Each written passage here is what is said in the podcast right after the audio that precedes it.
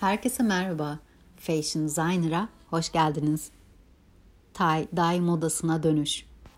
Son zamanlarda sık sık gördüğümüz 90'larda da popüler olan tie-dye tarzı artık sadece tişörtlerde değil tüm kıyafetlerde yer almaya başladı. Michael Korsen, Le Benjamin'in şık tie-dye kombinleriyle farklı bir tarza bürünen bu hippie trendi tişörtlerden elbiselere kadar birçok tasarımı süsledi. Prada, Stella McCartney, Victoria Beckham olsun tüm markalar çorabından çantasına yaz mevsiminden beri inanılmaz bir akım yakalayan bu batik boya trendini tasarımlarında yaşatıyor.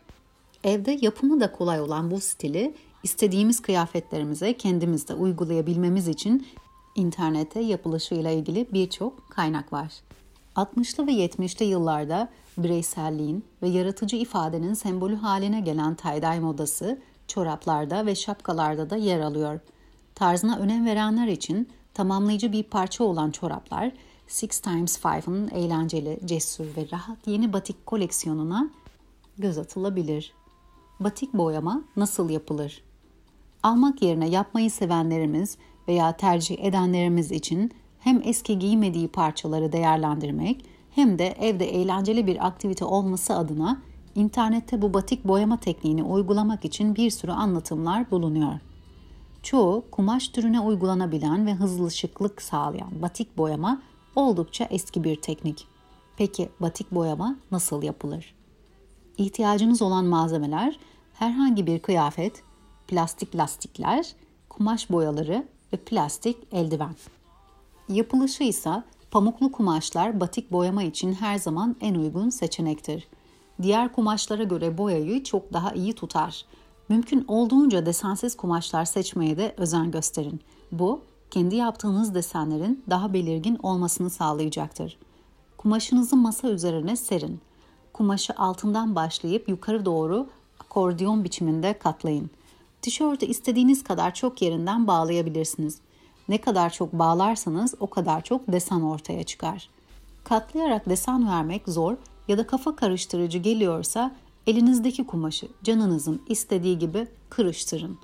Bu hem en teferruatlı görünen ve en basit olan yöntemdir. Kumaşı rastgele kırıştırıp top haline getirdikten sonra lastiklerle bağlayın. Boyama işlemi için iyi bir hazırlık gerekiyor. Boyalı ellerle evin içinde gezip sağa solu boyamamak için tüm malzemeleri aynı yerde toplayın. Boya kazanlarının önüne geçmek için masanın üstünü naylon örtü, çöp torbası ya da gazete kağıdıyla kaplayın. Kumaş boyalarının ambalajındaki boya ve su oranını ayarlayın. Elde etmek istediğiniz renk yoğunluğuna göre boya ve su miktarını uygulayabilirsiniz. Batırarak boyamak için kumaşın farklı yerlerine boya kaselerine batırın. İsterseniz tüm kumaşı tek bir renkle boyayabilir, sonra bu rengi sıkıp tişörtü diğer boya kaselerine batırabilirsiniz. Geriye kurutma işlemi kalıyor. Nemli kalması için kumaşı naylon bir torbaya koyun ya da streç filmle sarın. 6-8 saat arası bekletin ki kumaş ve boya tam etkileşime geçebilsin. En heyecanlı bölüm durulama. Plastik eldivenle tutarak kumaşı naylon torbadan çıkarın ve lastikleri açın. Boyanın fazlasını akıtmak için kumaşı musluğun altında soğuk suyla yıkayın. Daha sonra kumaşı çamaşır makinesinde tek başına soğuk suyla yıkayın. Çamaşır makinesini bir kez de boş ve deterjanla çalıştırmak makineye bulaşan boyalardan kurtulmanızı sağlayacak. Bu adımlardan sonra artık sizin de yeni trend bir parçanız olmuş olacak. Güle güle kullanın. Yazar Hazal Gülser'in Her zaman en büyük düşmanınızla karşılaşacakmışsınız gibi görünün mottosuyla. Seslendiren Nezihe Karakaya. Bir sonraki yazıda görüşmek üzere. Hoşçakalın.